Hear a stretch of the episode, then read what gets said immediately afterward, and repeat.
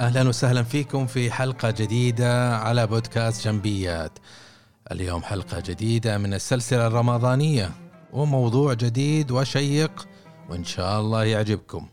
يحييكم محدثكم أنور جنبي مدرب وخبير في المبيعات وتطوير الاعمال.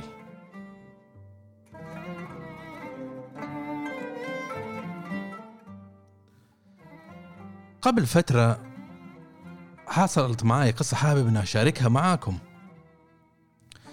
كنت أعمل في أحدى المنظمات الموجودة هنا في المملكة العربية السعودية. والحقيقة القصة هذه تدور حول أحد الأشخاص الشباب.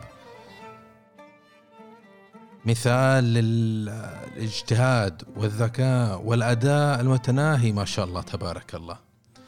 لكن هذا الشاب كان معين من قبل صاحب العمل في أحد الأقسام. ولسبب ما الموظف هذا أداؤه سبب قلق نوعا ما لمديره حيث أن المدير يستفيد كثير من عملية اللعب تحت الطاولة. فتقاريره كانت تكشف الأداء السيء واللعب والاختلاسات ربما. فراح هذا المدير والمدير العالم إنه راحوا للمدير التنفيذي ولعبوا براسه. الزبدة. تم استدعاء هذا الموظف وإخباره إنه عليه ينتقل لقسم مختلف جدا عن تخصصه. والأهم والأدهى إنه بعيد عن طموحه. الموظف عرض يعني للإدارة قال لهم يا جماعة ترى ما هي هواي أنا ولا رغبة إني أمشي في هذا المسار. أنتوا كذا حتخربوا لي الكارير يعني اللي أنا أبغاه وأنا لسه دوبي في بداية المسار. إيش كانت ردة الفعل من صاحب العمل؟ المدير التنفيذي نزل من برجه العاجي وهذا شخص كان كريه جدا سيء بمعنى الكلمة. واجتمع مع الموظف واستدعى مدير الموارد البشرية. وأيضا ال business partner الموجود في تلك المنظمة. يعني ثلاثة مدراء. مع موظف ذو خبرة متواضعة على موضوع عادي. يعني الاجتماع من النوع هذا تحس إنه في مصيبة. فنهاية الموضوع إنه كان المدير التنفيذي يعكس وجهة نظره أو فكرته لكن بقمة الوقاحة لهذا الموظف الصغير. برأيه هذا المدير التنفيذي الأحمق إنه هو كان يحاول يبين للموظف إنه الأفضل إنه يروح لذاك المكان. لكن إيش المفردات والطريقة؟ مين تحسب نفسك؟ وإنت مغرور وأنا أفهم منك وفلان أفهم منك وإيش يعني career؟ وإيش ما يعني career؟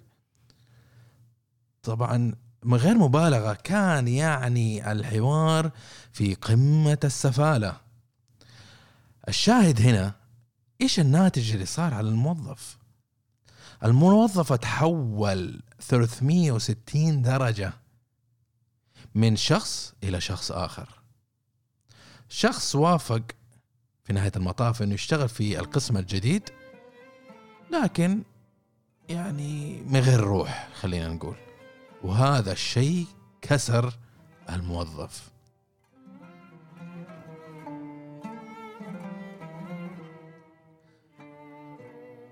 خلوا القصة هذه في بالكم وكيف المدير التنفيذي استخدم قوته في المنظمة وقوته في مهاراته التحليلية وقوته في في الرؤية على حسب تعريفه هو ووجهة نظره هو وكيف كان لها أثر؟ سيء كمخرج من عملية البروسيس بشكل عام.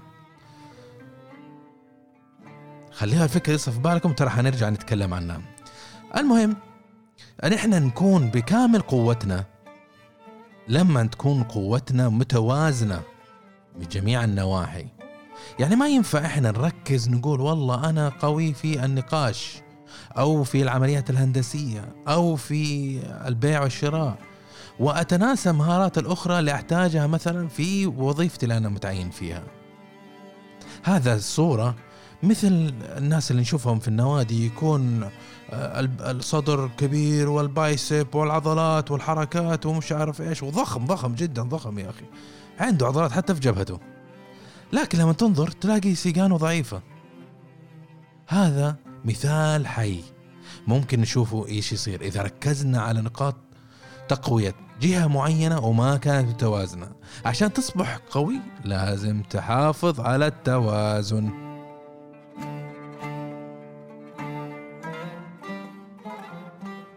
إذا ركزت على جهة واحدة للتطور لابد تقع مشكلة يوما ما. وحتسبب أنك تتأخر في التقدم لهدفك. دائما خلي في بالك أنه عندك هدف والغاية من وجودك مو راتب آخر الشهر. ولا رضا مديرك ولا إنك أنت مبسوط ولا سددت الفواتير. الهدف دائما وابدا هو الغاية واللي عليك إنك توصله. تذكر دائما إنه ما تقدر أنت إنك تتطور إلا إذا ركزت على نقاط ضعفك. هذا مسلم. ما تقدر تركز على نقاط قوتك بس وتقول والله أنا بمشي. اركز على نقاط ضعفي وهذا. هذا أغلب الكوتشنج والهذا يقولوا لك كذا ويسكتوا. وبنفس الوقت من الخطأ التركيز على نقاط الضعف فقط وتجاهل تطوير نقاط قوتك لتصبح أقوى. نعم. نقاط القوة قابلة للتطوير. لا تسوي فيها أنك أنت عبقري زمانك في مهارة معينة خلاص تخليها على جنب. وتركز على نقاط القوة تحاول تركزها تحاول تقويها تحاول تطورها. حنشوف في هذا الحلقة بنحاول نتكلم عنها إنه حتى التركيز بهذه الطريقة تسبب نتائج غير مرغوبة ابدا. كلنا نحتاج فرصة حتى نستخدم نقاط قوتنا في عملنا. إياك أنك تستخدم نقاط قوتك لتحسين ضعفك فقط. ولا تطالع للناس وتستنسخ وتقول والله أنا بصير زيهم. هم ناجحين. بيل جيتس ناجح أنا بسوي زيه. طبقا للأصل عشان أنجح زيه. هذه نقطة جوهرية أتذكرها. ولما أحد يسألك عن رأيك في موضوع عمل لا تنبرش تقول الحمد لله أحد عبرني. خليني أجاوب بسرعة. اسأل خذ الفرصة واسأل نفسك ليش سألني عن الموضوع هذا؟ ليش طلب مشورتي؟ لأنه كذا أنت تقدر تعرف كيف الناس يشوفونك. وإيش شافوا فيك؟ قوة حتى أنه جاء عبرك واستشارك.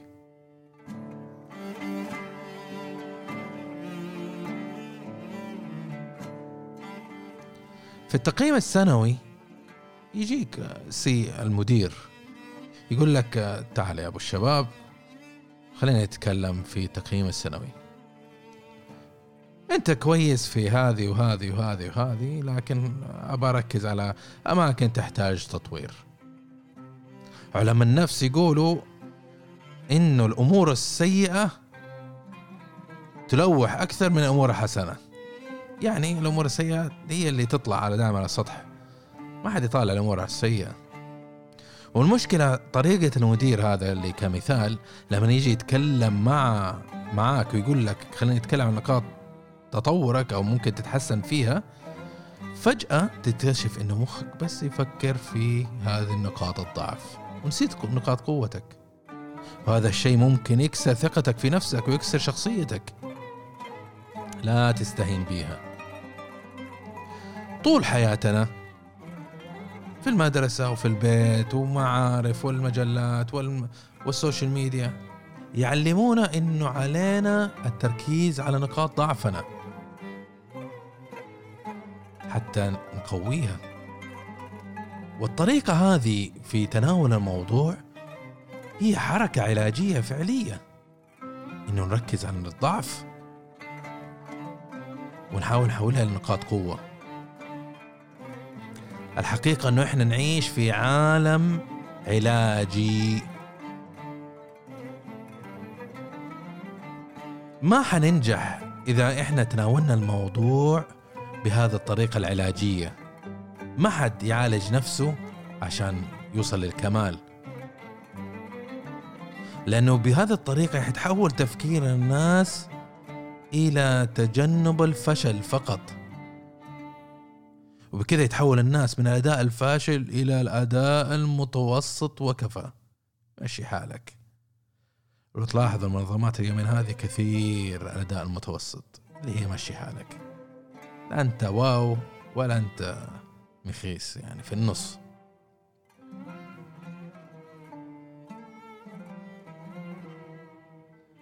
الناس ما يتطوروا يا جماعة الخير لأنهم يركزوا على نقاط ضعفهم وفشلهم.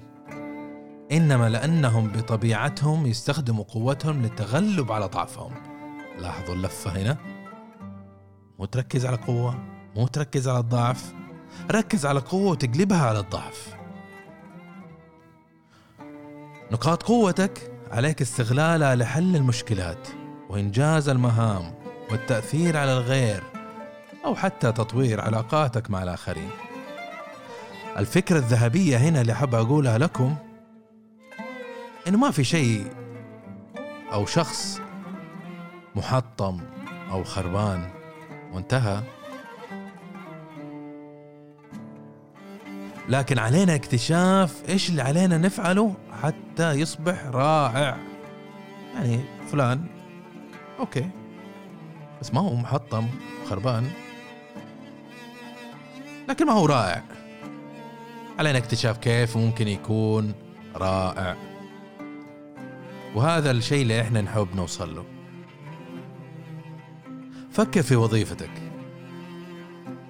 هل فعلا يعطونك فرصة لاستخدام قوتك؟ وهل الناس عندهم فرصة إنه يحوروا وظائفهم لتلائم قوتهم؟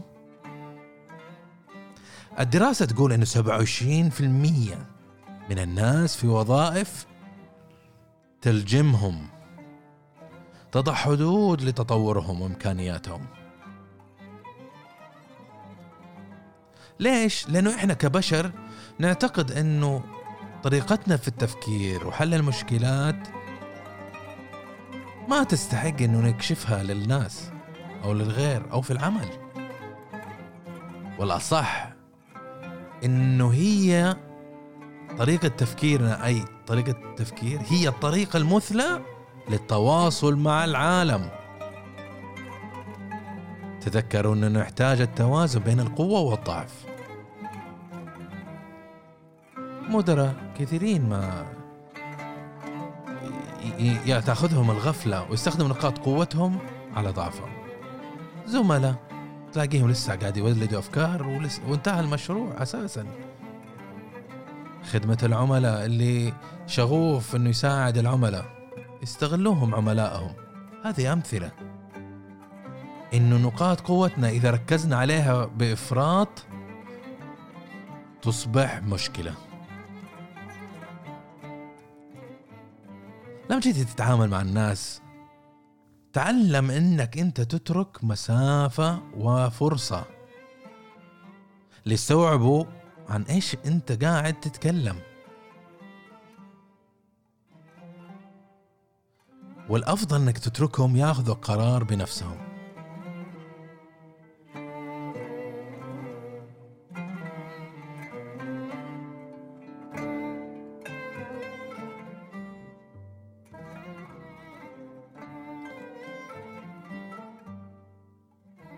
تعلمت في حياتي العملية خلال السنين إنه ما هو مقبول انه نحضر أحضر أنا اجتماع فيه ناس وأسمع لهم إيش يقولوا أو أمتنع على كلام أو أحجم بسبب إنهم هم مندمجين في الكلام أو ما في فرصة للتكلم أو في شخص مسوي فيها نفسيات.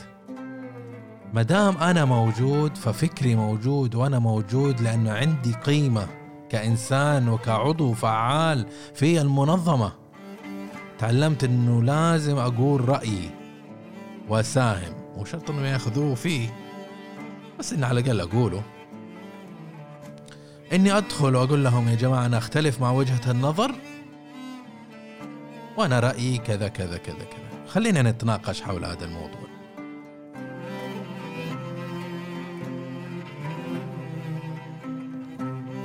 نستنبط أن المشكلة ما هي في التركيز على نقاط قوتنا وبس إنما كيف إحنا نستخدم نقاط قوتنا.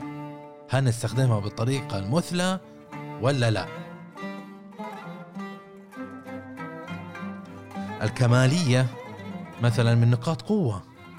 إذا ما بالغنا فيها وصلنا لحد غير مرغوب فيه. الكمالية والمثالية هي من قادتنا لتحقيق أهداف المهنية اللي رسمناها لنفسنا. لكن إذا زادت عن حدها فما في شيء اسمه كمالية ترى في هذه الحياة. بذلك الكمالية تصبح ضعف. بالنسبة للمنظمات اللي تتمتع بثقافة الكمالية فسنجد هذيك المنظمة تغيب عنها الأفكار الابتكارية والحلول. الديناميكية لحل المشكلات. وما توضع على الطاولة أبدا. مسألة أنه نحاول نحول نفسنا لشخص آخر هي مضيعة للوقت. حتى لو كان هناك في تطور ظاهري لكن النتيجة حتكون مدمرة لمسارنا الوظيفي ولحياتنا العملية.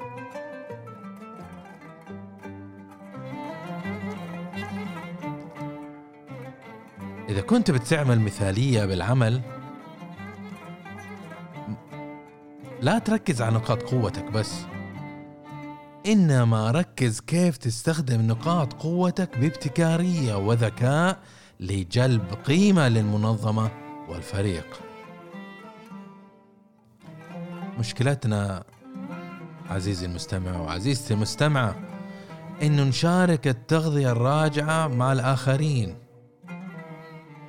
لما يبدع. بانه نقول له أحسنت يا شيخ صح عليك. بس ما نقول له ليش صح عليك؟ إيش سوى هو حتى تميز حتى يتعلم هو إيش إيش الأحسن فيه وإيش كانت قوته هو. حتى يقدر يستخدمها مرة ثانية. وممكن تطوف ولا يستخدمها مرة ثانية لأنه ما حد نبه له. كلما كنا أكثر دقة في وصف نقاط قوتنا نكون أكثر قدرة على استخدام نقاط القوة تلك. نقاط القوة ليست مواصفات ومميزات فيك وبس إنما هي مهام وقرارات وطريقة تصرف في ظروف معينة. خلي بالك إنه كل من حولك ممكن يساعدوك في مواصفات شخصيتك قوية وتعريفك بها واللي عادة أو غالبا أنت ما تنتبه لها إذا كنت لوحدك. وبنفس الوقت ممكن يعلموك ويسلطوا عليك يفتحوا عيونك كيف أنت تتصرف في المواقف المعينة.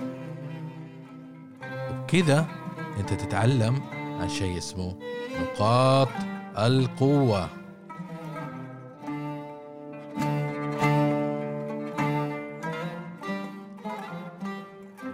كلنا نحتاج فرص نستخدم نقاط قوتنا.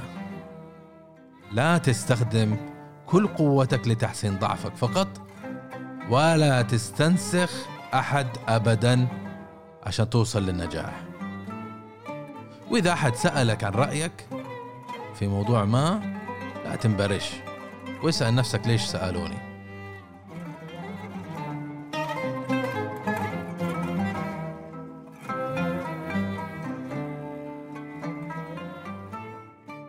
وبكذا وصلنا لنهاية حلقة اليوم. وأوجزت لكم كل النقاط والمحاور اللي حبيت أن أشاركها معاكم. أتمنى أنكم تتواصلوا معي على السوشيال ميديا وتشاركوني برأيكم حول هذا الموضوع. عن نقاط قوتكم وكيف تتعاملوا معاها وكيف تستخدموها لغلبة نقاط ضعفكم وللتقدم من الأمام. إذا عندكم تحدي فيها أو إشكالية يسعدني. أي ما سعادة إنكم تتواصلوا معايا ونتناقش عن الموضوع. نحدد لنا موعد. ونأخذها نقاش واحد لواحد. على القلب زي العسل. تواصلوا معانا وادعمونا بنشر الحلقة لمعارفكم. وإلى الحلقة القادمة إن شاء الله أقول لكم مع السلامة. وفي أمان الله.